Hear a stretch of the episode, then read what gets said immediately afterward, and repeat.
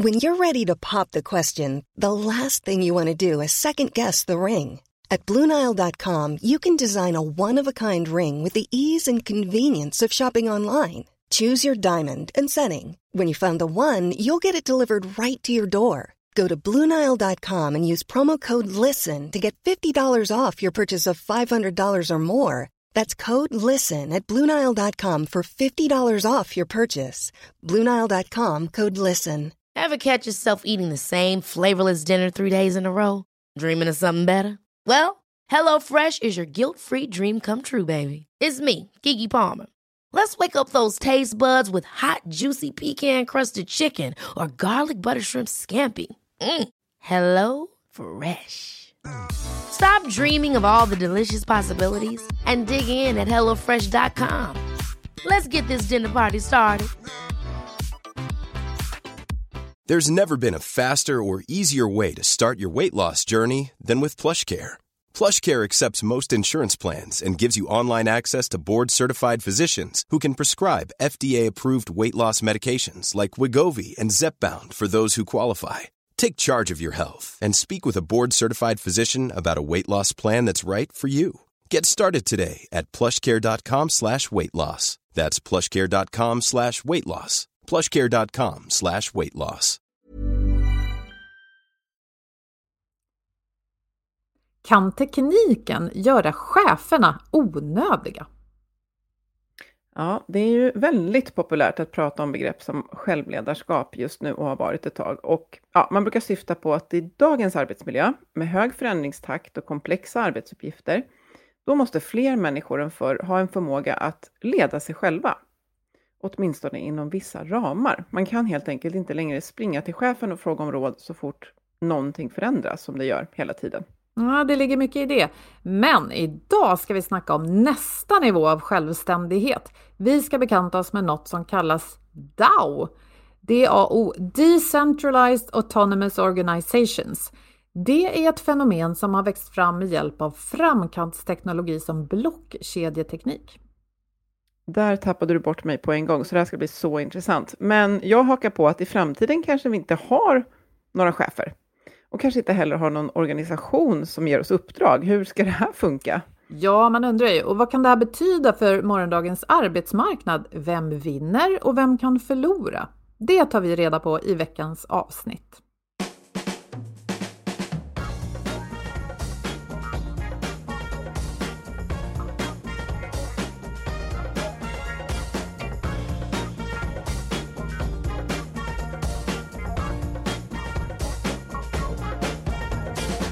Och det här är Health for Wealth och i över sex år nu så har vi poddat om hälsa på jobbet eftersom människor som mår bra kan prestera bra. Mm. Och för att må bra, då behöver vi goda samarbeten, rätt resurser, handlingsutrymme och trygga ledare som har tid att leda. Och i podden tar vi hjälp av våra gäster och tar ett helhetsgrepp på hälsan på jobbet. Och vi är Ann-Sofie Forsmark, jag är hälsostrateg, ledarskapskonsult och jag driver konsultorganisationen Oxigroup.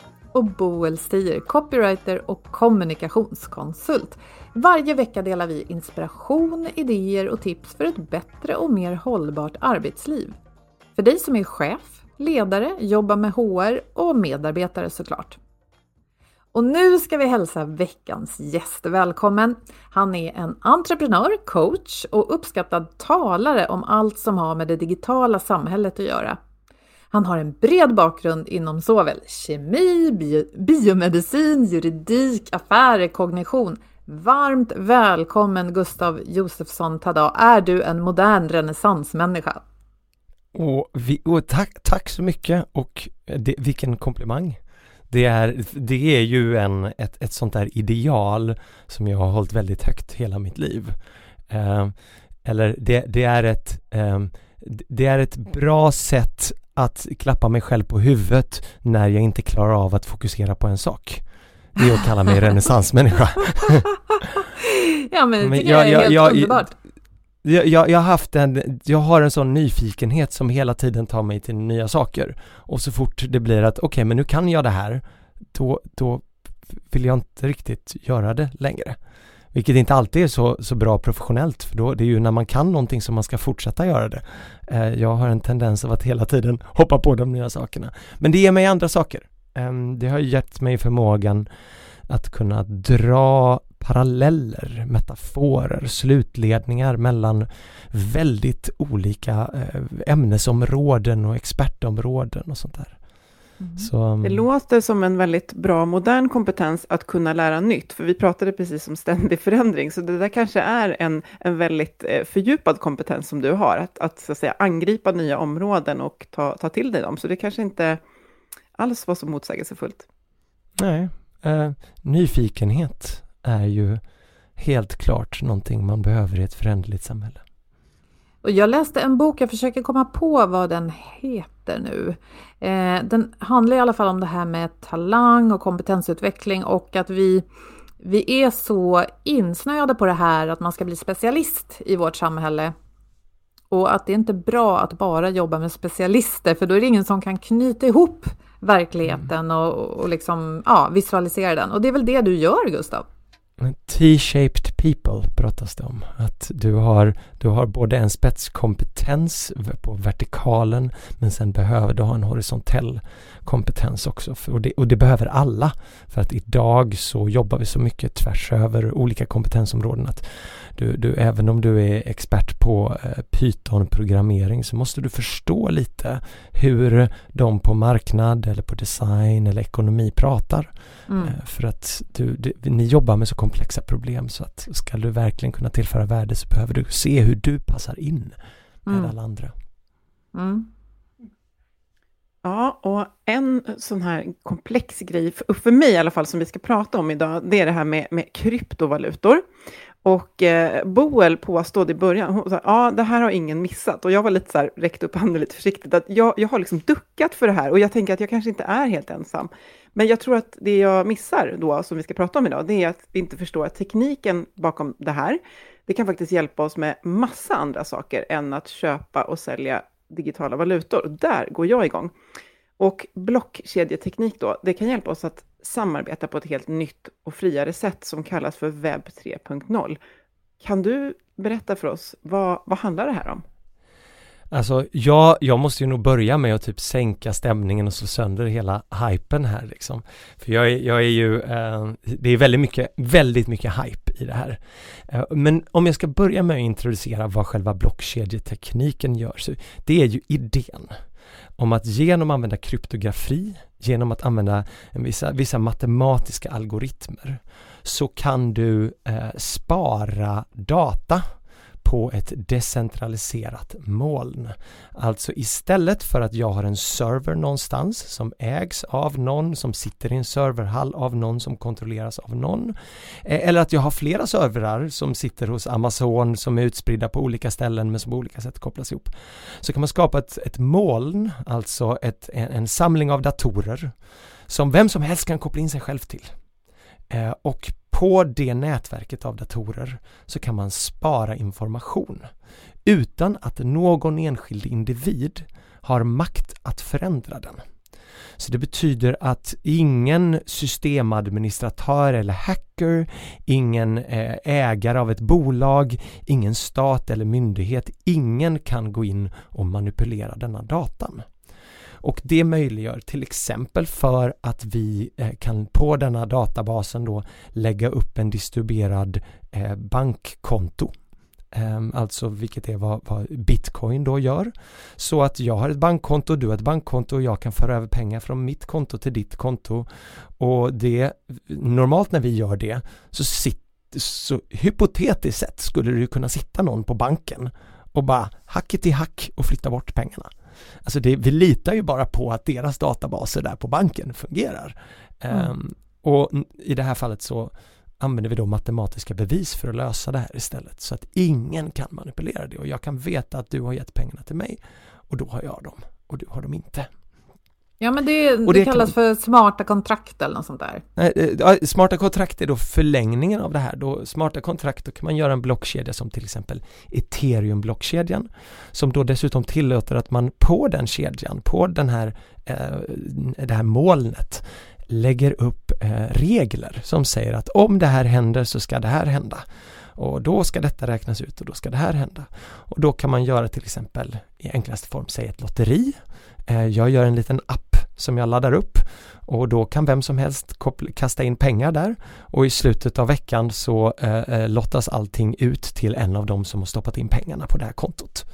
Och då finns det ingen som kan manipulera det lotteriet. Det finns ingen som kan eh, stoppa det eller ändra det utan så länge folk fortsätter betala in pengar till lotteriet så de pengarna som de betalar in bekostar serverkostnaden för att lotteriet ska kunna köra och sen dela ut pengarna i slutet av, av veckan. Eh, så man kan alltså ta hela mekaniken runt en, ett, ett regelverk. Vem ska pengar? Hur ska, hur ska de distribueras på vilket sätt? Eh, kan man ladda upp och lägga som ett eh, och, och, och, flytta ifrån makten från någon enskild individ. Och i förlängningen så kan, ju då, kan man då kalla detta en, en organisation. Så då har vi tagit oss till en, en idén om en DAO. Idén om att organisationen är ett sätt av sådana här smarta kontrakt. Ett sätt av regler. Och genom Eh, att vi, du och jag och alla i den här organisationen använder av våra kryptografiska inloggningar och nycklar så kan vi reglera vem som har makt att bestämma över var. Eh, hur röstar vi om vissa saker? Och då är eh, de röstningarna, de besluten är bindande i lag och då inte en mänsklig lag utan en matematisk lag som ingen går att manipulera, ingen kan manipulera. Det låter mycket som drömmen om det här digitala friheten och information wants to be free och massa sådana saker som, som man hörde när, när det här med internet började.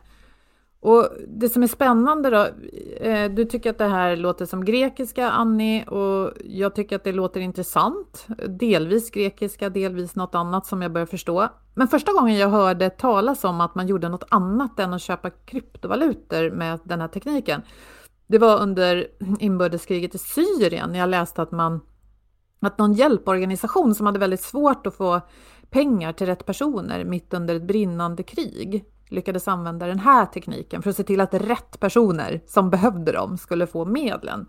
Och då kände jag, men gud, det här är ju, det här är ju någonting. Men eh, Gustav, för de flesta av oss tror jag ändå att det är någonting som pågår under ytan. Ja, du vill säga ja, någonting? Du, du, du, satte fingret på någonting där, för om, om jag då ska ta och såga det här som jag precis pitchade, eh, så är det ju det att det här är ju bara meningsfullt om du inte litar på din systemadministratör. Eller om du inte litar på den stat som dina servrar står i. Men så, så för de allra flesta eh, sammanhang så är det eh, ett ganska krångligt teknologiskt infrastrukturellt sätt att lösa problemen. Eh, men för du nämnde Syrien där och anledningen att det är så meningsfullt där är att vi inte litar på staten. Mm. Men så ja, fort du litar på staten ja. så, mm. så, så, är det ju, så är det ju inte lika eh, meningsfullt. Ehm, utan du skulle lika gärna kunna lösa exakt samma problem fast ha en central server. Men vad som är intressant är att trots att vi har kunnat göra alla, den, precis sådana här distribuerade autonoma organisationer där folk får vara med och bestämma och vi har ett digitalt röstningssystem och beslutsfattande system. Det har vi kunnat göra på en central server under flera årtionden. Om vi bara tittar på alla andra aspekter av organisationen förutom system och administration. Liksom. Men det har vi inte gjort. Men på grund av att det här idealet som du nämnde, det här internet information was born free, det här internetidealet har kommit med den här infrastrukturella förändringen så har man då börjat experimentera med massa nya organisationssätt att organisera, sätt att bygga organisation på Eh, och, och, och, man har gjort det på grund av ideologin som har kommit från infrastrukturen. Men vi behöver egentligen inte infrastrukturen. Om man tar då eh, man tittar på decentraliserade organisationer, ni pratade om självledarskap här i introt, om TIL eller vad man nu vill i, i, i självorganiserande eh, eller self-managing organizations, så har ju det börjat ticka där och det behöver ju inte ha eh, den infrastrukturella delen, att man har decentraliserade servrar. Men att den nya rörelsen, DAO-rörelsen, har kommit med massa nya idéer som man kan lära sig från även ifrån, eh, även i, i större organisationer som kanske inte har ett intresse av att hoppa upp på blockkedjan. Mm det var det, ja, det var det jag fastnade vid, och så här, började, just att det låter som att, eh, nu pratar vi om att inte lita på, eh, på staten, och man har det som så här, det här är en bra grej som vi kan ta, eh, göra, bygga en organisation kring, om vi inte litar på ja, motsvarande då staten i en organisation. Men nu beskriver du en annat sätt, att det är en annan drivkraft bakom eh, en DAO, mer än att så här, vi, vi måste hitta ett sätt att, att skapa en organisation där, ja, det, det, låter, det låter mycket mer positivt, så som du uttryckte det nu. Nej, men, men, men, ta, ta bara ett exempel på ett sätt att organisera sig som man ser i många DAOs. Och det är att man använder sig av Bounty Hunting. Eh, man eh, säger alltså det här är arbetsuppgifter som behöver lösas i den här organisationen. Och sen så har man inom de som jobbar nära den arbetsuppgiften. Eh, de har makten att tillsammans sätta ett värde på den arbetsuppgiften och så fort de har låst ett värde på den arbetsuppgiften då kan vem som helst, alltså ni, jag, vem som helst kan kliva in, lösa arbetsuppgiften och sen anmäla att jag har löst den Eh, och då ska tillräckligt många av dem som, eh, av dem som är i organisationen validera eh, ja, den är gjord och då sker en automatisk utbetalning till mig. Eh, så att vi, vi, vi tar saker som behövs göras i organisationen, sätter upp det på en lång anslagstavla och sen behöver man inte vara anställd för att gå in och lösa problemet utan vem som helst kan gå in och göra det. Det är som en, liksom, man har überifierat eh, hela organisationen. Allt från, hörni, vi behöver, en, vi behöver en podcast för att marknadsföra vår organisation. Är det någon som kan starta en podcast och då är det någon som gör det och då får de betalt. Men, men, men jag tänkte på taxiliknelsen där när du berättade Gustav. Men eh, jag tänker att om jag ska vara frilansare och jobba i en DAO, eh, då vill jag ju ändå veta att jag kommer att få betalt innan jag börjar göra jobbet. Så är det inte så att jag räcker upp handen och säger jag vill göra jobbet och så säger någon okej. Okay. För jag menar, jag kan inte köra min, min, om jag är taxichaufför, då kan jag inte köra min eh, passagerare till en plats och sen ska någon, eh, så kanske det är någon annan som kör samma sträcka. Eh, man kan ju inte ta en mm. passagerare, ja, men, ja, men du fattar vad jag så, menar. Så det, det, finns lite olika sätt för att, för att verifiera det. Det beror lite på vad arbetsuppgiften är. Mm. Ibland är det så att det är den som blir klar först som får betalt. Jaha. Så det blir, det finns risken att någon annan har kört det så. Och ibland så är det att du, eh, du blir och, och, kan åta dig att göra någonting och du får en viss tid på dig att göra. Och, och det här beror mycket på det här beror ju på hur, hur vi väljer att göra det i våra organisationer. Vilka Men, regler vi har. Det här, det här hade du ju inte behövt göra i, kryp, med krypto, det behöver inte ha med webb 3 att göra. Det är bara en, en, en, en spännande liksom utveckling som eh, folk inom det här spacet då har, har börjat testa sig fram med. Ja. En, en annan aspekt är ju att eh, i och med att varje sån här organisation då utgår ifrån eh, ett decentraliserat ägande så eh, en, en sån här organisation för att kunna eh, rösta, för att kunna eh, ha ja, dels medlemskap, så du har liksom en röst per person grejen. Jag har en röst för att jag är med här. Eller då vad som mer är som ett aktieägarskap, alltså ju mer kapital jag stoppat in desto mer röstningsmakt har jag. Det används ju aktivt. De två mekanismerna används ju aktivt hela tiden för att fatta beslut.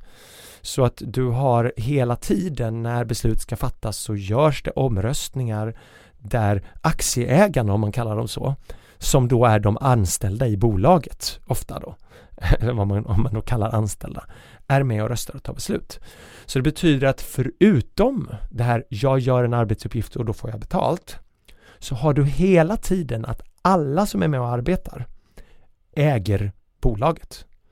Vilket betyder att du får ju också en, en indirekt en, en indirekt betalning av att dina aktier, dina tokens går upp i värde när organisationen presterar bra.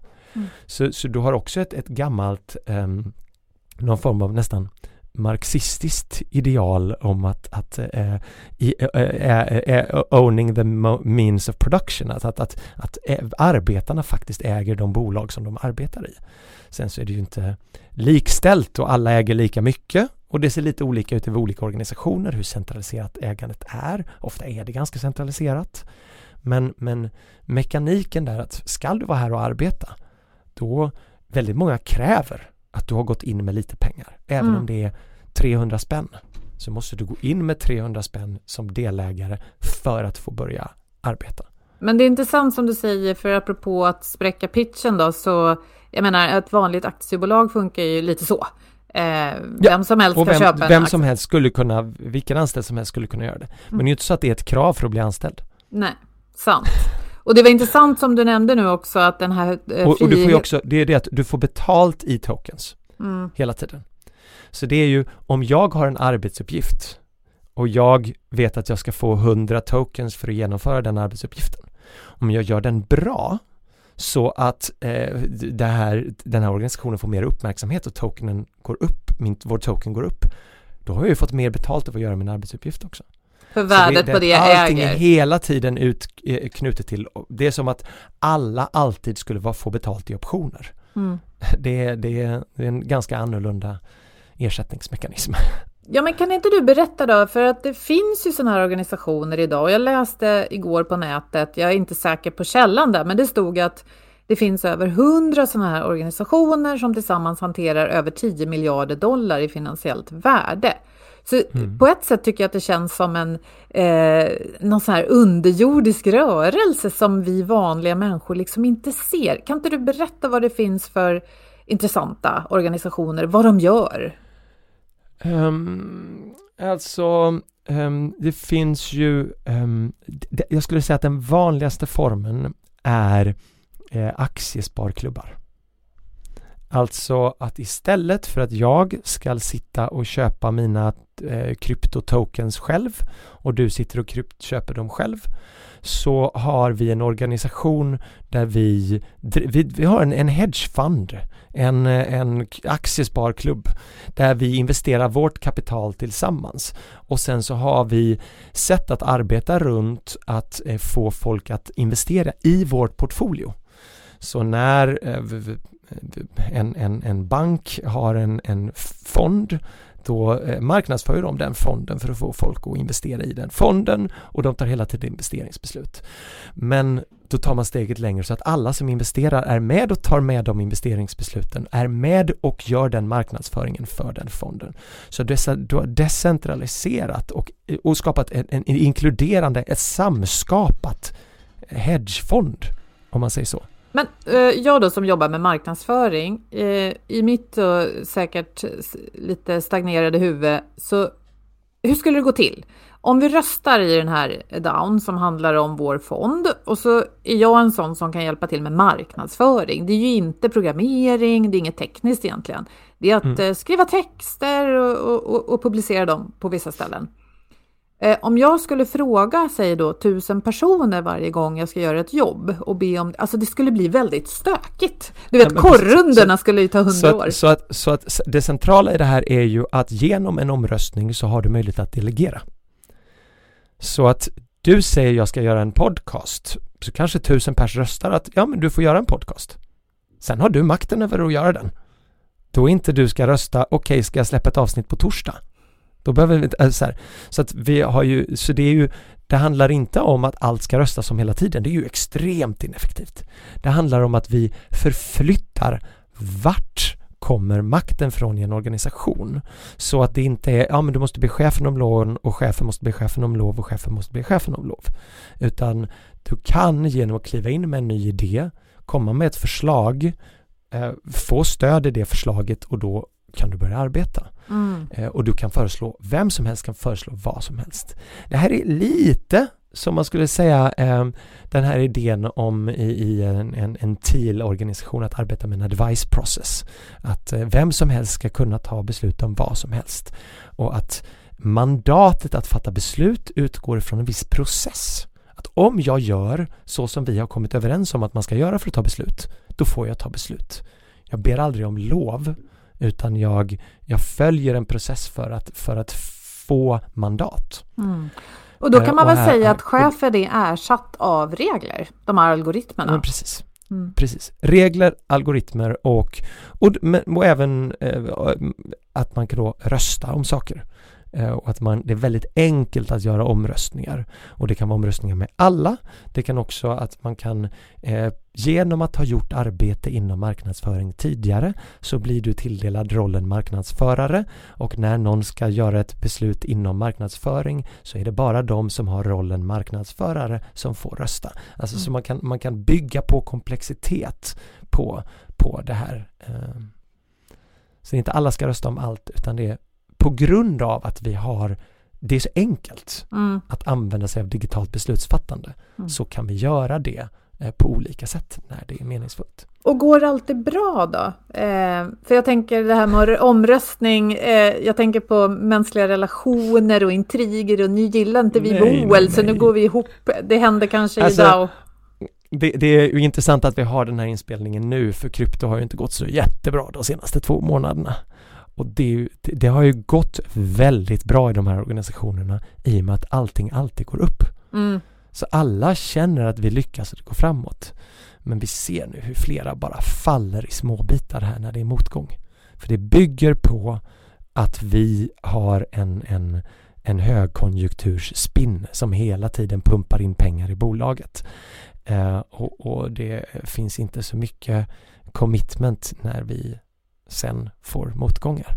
Det, mm. så, så, så, när, jag, när jag beskriver det jag gör här nu ut, utifrån ett positivt perspektiv så försöker jag säga vad vi kan lära oss från. Mm. För ska jag vara lite krass så, så de DAOs vi ser idag är varken decentraliserade, alltså de har ofta så ser man att tokens är ägda av väldigt få personer. Mm. De majoriteten ägs av väldigt få. Väldigt centraliserat kapital och väldigt centraliserat ägande.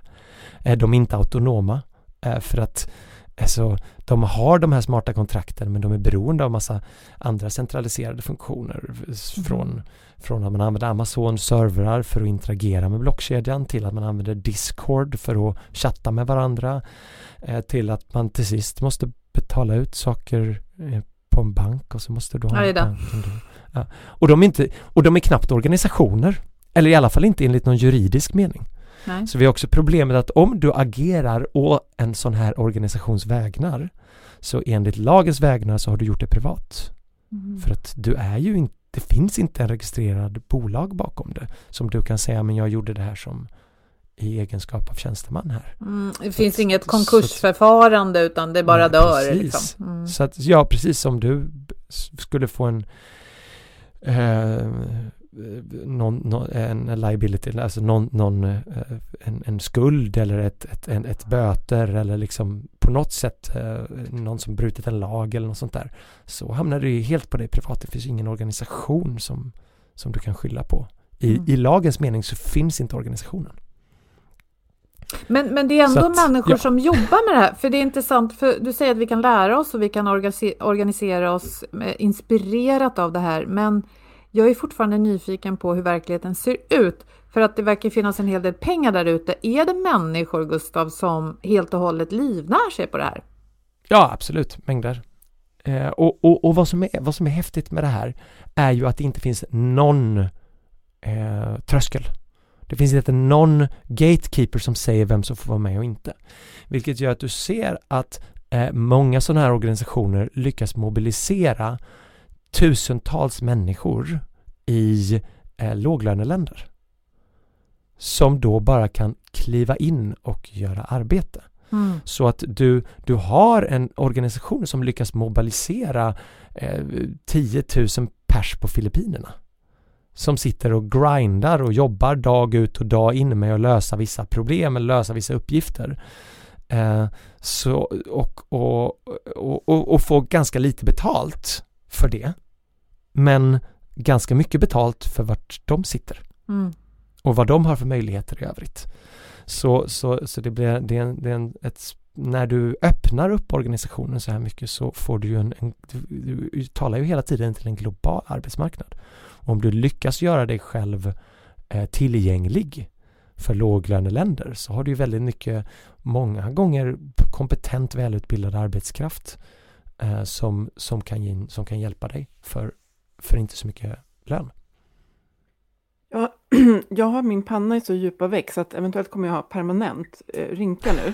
Eh, och jag är, jag är nämligen, jag är ganska bekant med TIL, eh, skulle jag säga. Och jag, jag, jag vill fundera, eller jag vill fråga dig, eh, det, det, här som vi enas kring, eh, det behöver ju revideras. Alltså de här algoritmerna, det här besluts, liksom, som vi signar upp till, som gör att vi kan ha det här mandatet.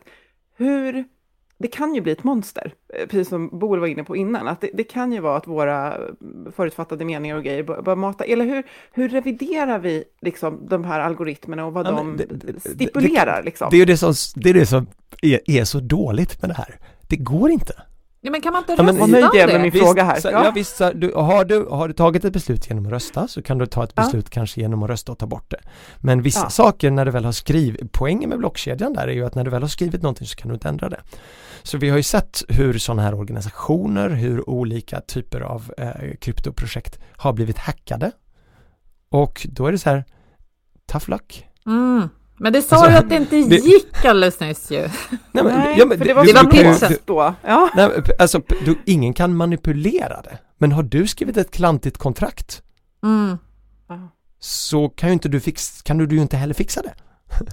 Nej, så du, du får ju inte en andra chans om du skriver ett klantigt kontrakt. Det finns ingen det reversibilitet. Nej, precis. Mm. Um, så att, så att det, det, allting blir ju lag och, och, det, också, och det gör ju det här att så här, om någon stjäl någonting i den riktiga världen då kan ju staten komma in och kräva tillbaka pengarna från den som har stulit. Okej, okay, de måste jaga Exakt. efter dem och hitta dem och mm. det ligger en gömma i skogen och vad det nu är. Men rent, det finns en stat där över. Mm. Det finns det ju inte här. Är, är grejen stulen, den är ju stulen. Tough luck, den är, den, du har den inte längre, de har den och du kan aldrig få tillbaka den. Så det är, det så otroligt oförlåtande.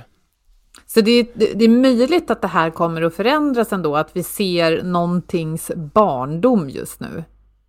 Ab oh, absolut, det här är bara, bara barndom, eh, experiment. Jag har svårt att tro att någon av de organisationerna som vi ser idag eh, kanske kommer finnas kvar. Mm. Eh, men eh, det, det, det, det är ett område, det, det, det är ett fält där man kan lära sig väldigt mycket. Och inte bara för att det är liksom nytt och det görs nya saker. Men en väldigt intressant aspekt är att det drar till sig otroligt mycket spännande människor. Alltså en, en, en sak, alltså bortsett från vad själva grejen är, så en sak att hålla utkik från i världen, utkik för i världen är ju vart tar världens smartaste människor vägen just nu? För där är ju schysst att hänga, även mm. om grejen inte blir av så är det ju fortfarande väldigt schysst att hänga i det gänget.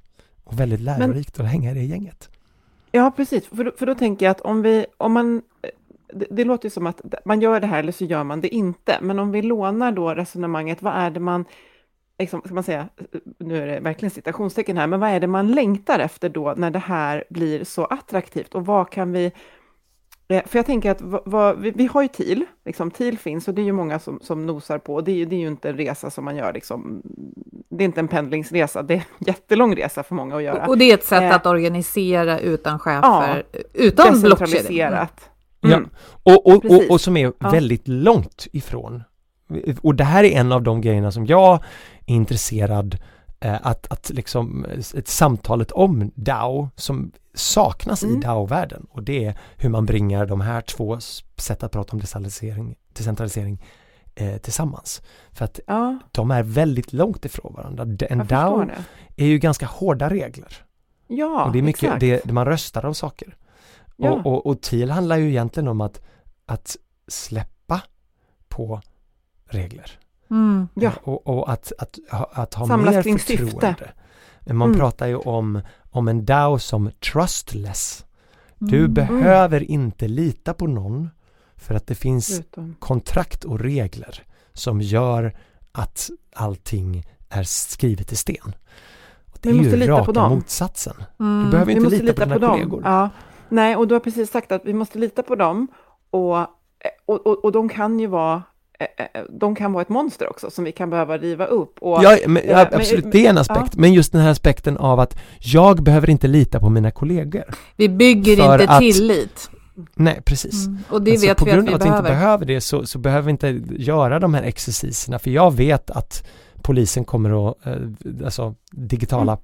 polisen kommer bestämmer. Eh, Ja. det, finns, det, det finns liksom inget förhandlingsutrymme utan jag vet att det här står i kontrakt och då är det, då är det så.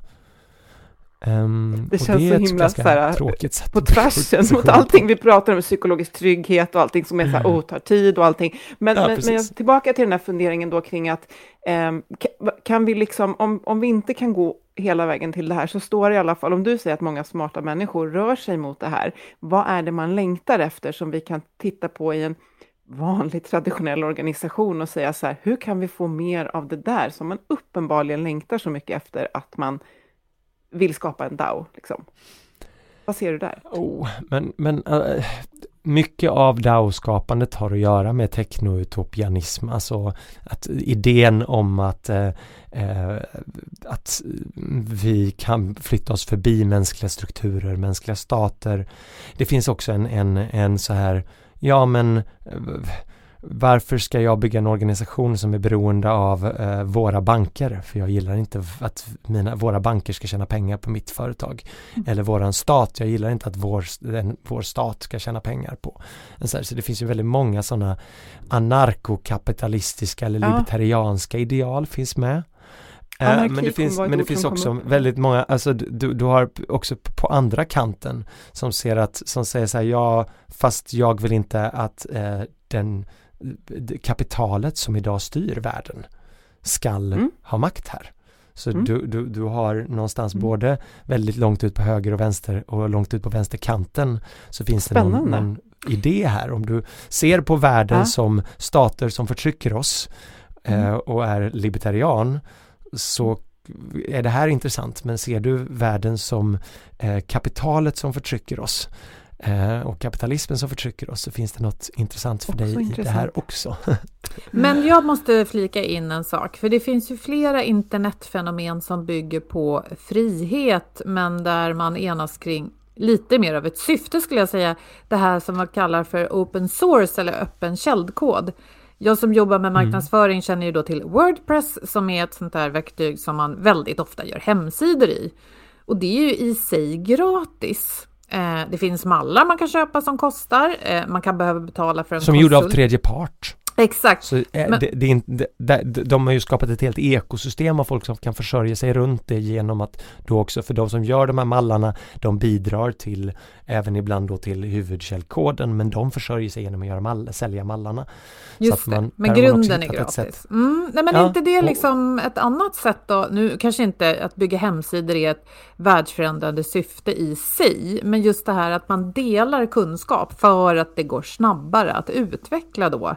Det, det är ju Ja, ett, precis. Mm, ett fint syfte. Alltså, öppen källkod är eh, bäst i väldigt, väldigt många sammanhang.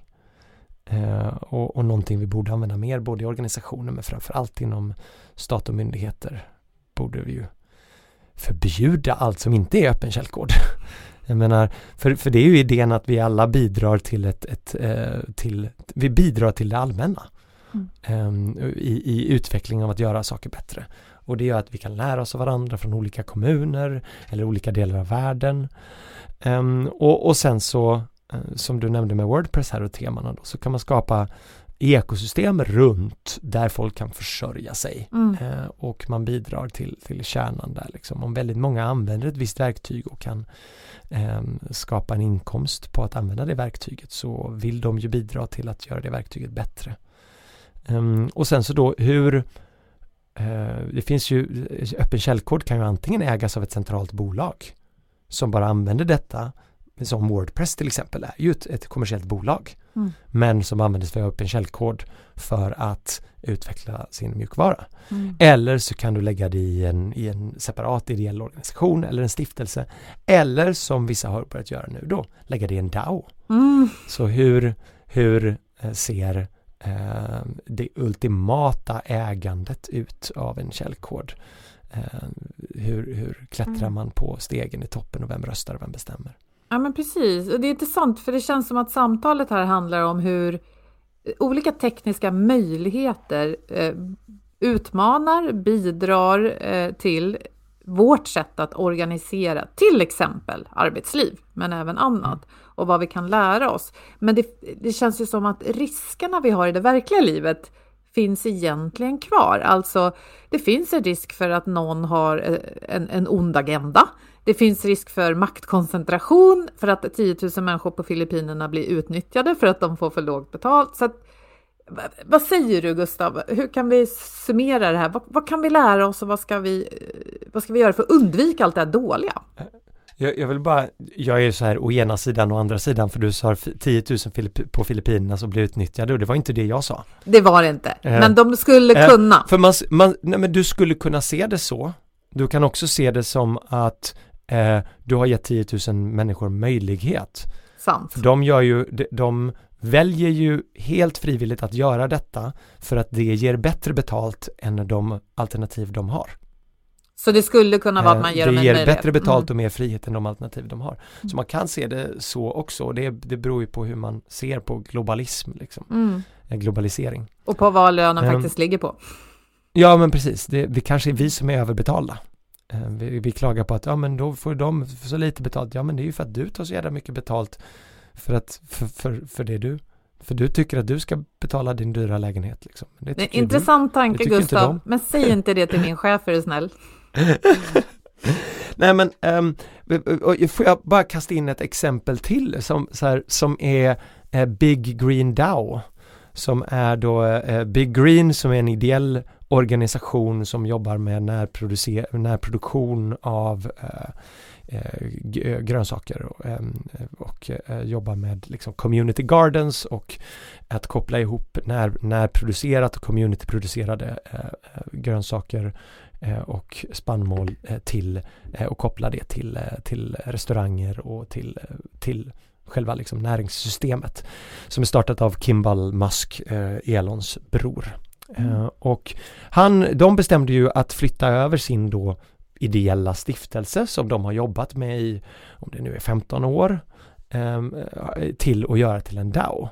Eh, där de då istället för att deras styrelse, deras panel av experter sitter och bestämmer vilka sådana här community garden-projekt ska få pengar så har de gett tokens till alla som tidigare har fått pengar genom deras eh, stiftelse och gett dem makten att genom det rösta i deras DAO och helt enkelt alltså flyttat ut makten från sin egen styrelse, från sig själv liksom. De som har gått in med alla pengarna och drivit det här i 15 år har släppt makten och det numera är styrt då och de, de högsta beslutsfattarna är alla de som tidigare har fått bidrag av den här organisationen.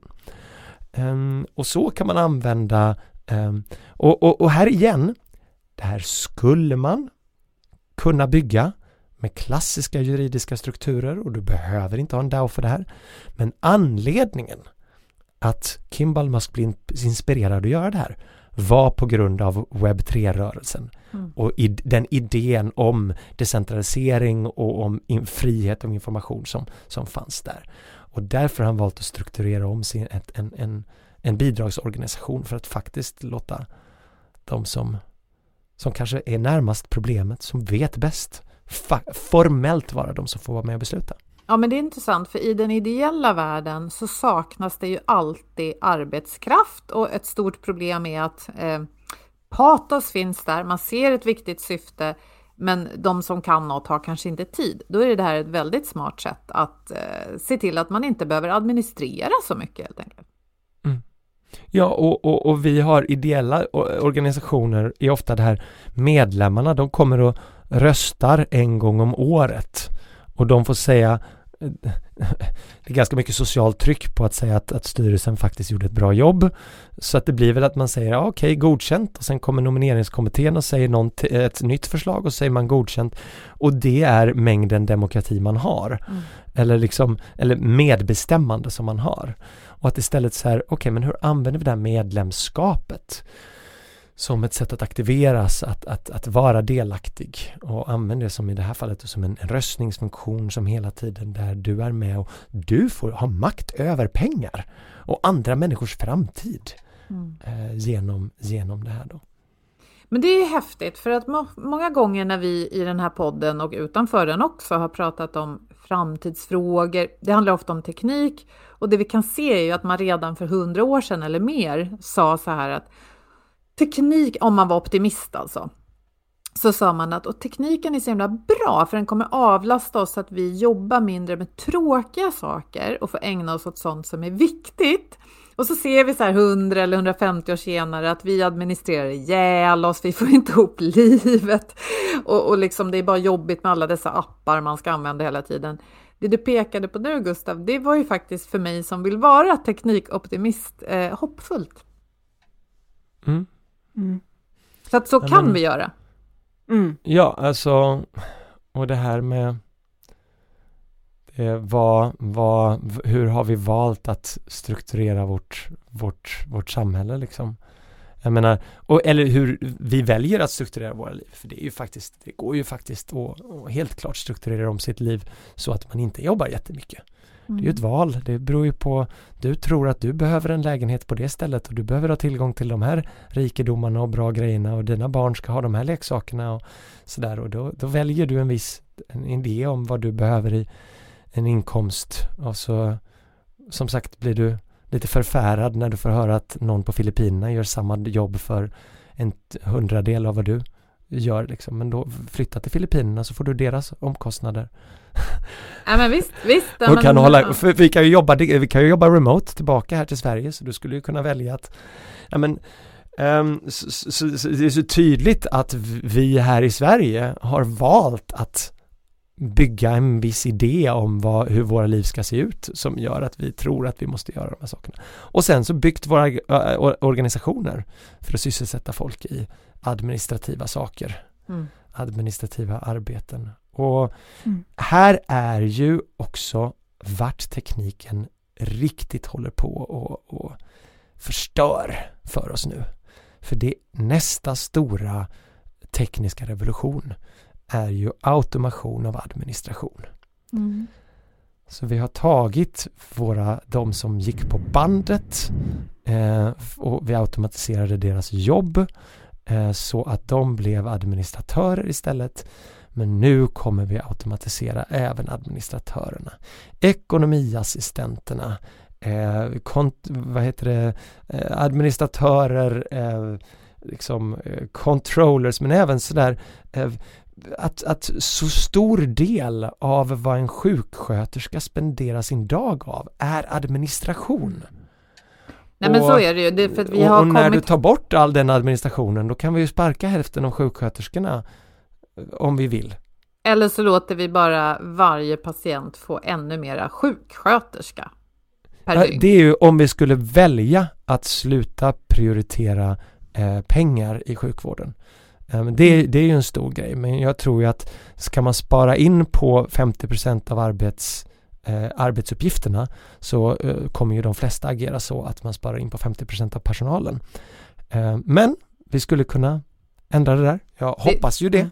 men det låter långsökt att vi Ja, skulle det, välja det. Det är återigen ett val vi har, men om vi någon gång Mm. ska infria den här teknikens löfte så får vi ju ha det som är viktigt framför oss. Ja, men Vad- vi måste ju välja att något annat är viktigare. Mm. Ehm, Alltså vi, vi rör oss runt så mycket. Jag tänker den röda tråden är ju att sådana här, eh, liksom, om man säger revolutionära sätt att göra saker är väldigt nyttiga för oss för att titta på det vi gör. Vare sig det handlar om Mm. automatisering eller att gå från en traditionell linjeorganisation till att titta på, men hur sjutton skulle man driva det här som, som en DAO? Det är så nyttigt, vare sig man väljer att liksom hoppa på det eller inte, så behöver vi det här som, som utmanar. Eh, och eh, ja, det låter som att vi skulle kunna prata om mycket mer, mycket mer med dig Gustav. Det kanske vi får möjlighet att göra eh, framåt. Men eh, tack för att du har, som sagt, jag får släta ut den här, det är, det är inte en, eller, det är inte en, det är en nyfiken rynka, vi pratade om det i början, nyfiken. Det är en nyfiken rynka, men den har varit eh, jag har nog aldrig haft pannan i så djupa veck under ett samtal som jag haft idag. Och det tackar jag väldigt mycket dig för. Eh, Det, det har varit väldigt högt och lågt. Det, det, det är en intressant att, att börja prata utifrån DAO. Just för att så här, det, det, är en, det är ett väldigt konstigt fenomen för att den säger emot sig själv så mycket. Som sagt, den är varken decentraliserad, autonom eller organisation. Och det finns så mycket som den världen har att lära ifrån allt som är TIL och self-management.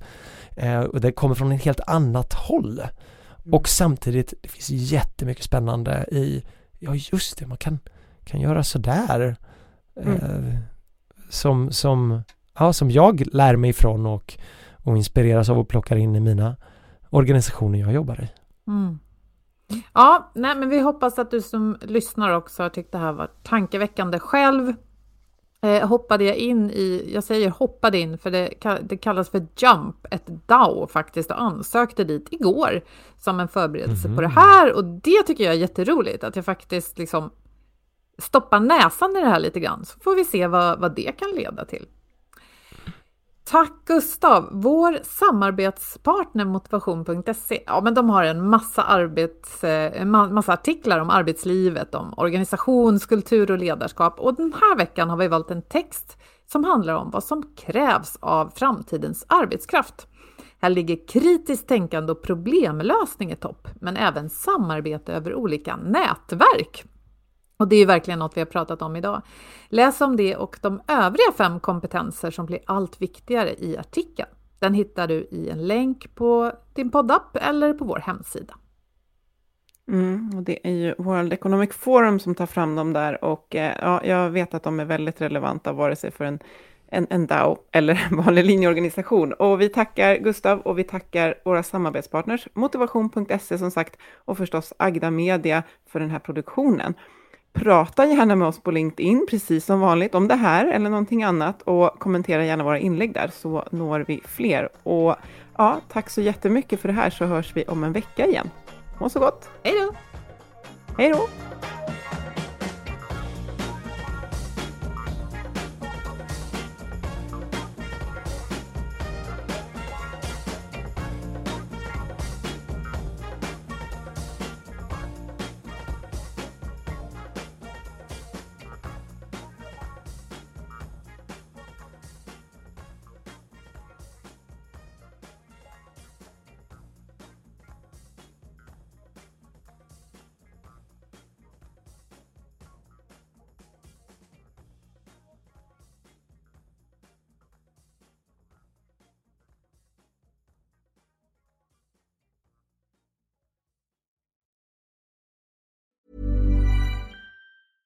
Mom deserves the best, and there's no better place to shop for Mother's Day than Whole Foods Market. They're your destination for unbeatable savings, from premium gifts to show-stopping flowers and irresistible desserts. Start by saving 33% with Prime on all body care and candles. Then get a 15-stem bunch of tulips for just $9.99 each with Prime. Round out Mom's menu with festive rosé, irresistible berry chantilly cake, and more special treats. Come celebrate Mother's Day at Whole Foods Market. Mom deserves the best, and there's no better place to shop for Mother's Day than Whole Foods Market. They're your destination for unbeatable savings, from premium gifts to show-stopping flowers and irresistible desserts. Start by saving 33% with Prime on all body care and candles. Then get a 15-stem bunch of tulips for just $9.99 each with Prime. Round out Mom's menu with festive rosé, irresistible berry chantilly cake, and more special treats. Come celebrate Mother's Day at Whole Foods Market. Planning for your next trip? Elevate your travel style with Quince. Quince has all the jet setting essentials you'll want for your next getaway, like European linen, premium luggage options, buttery soft Italian leather bags, and so much more. And is all priced at 50 to 80% less than similar brands. Plus, Quince only works with factories that use safe and ethical manufacturing practices.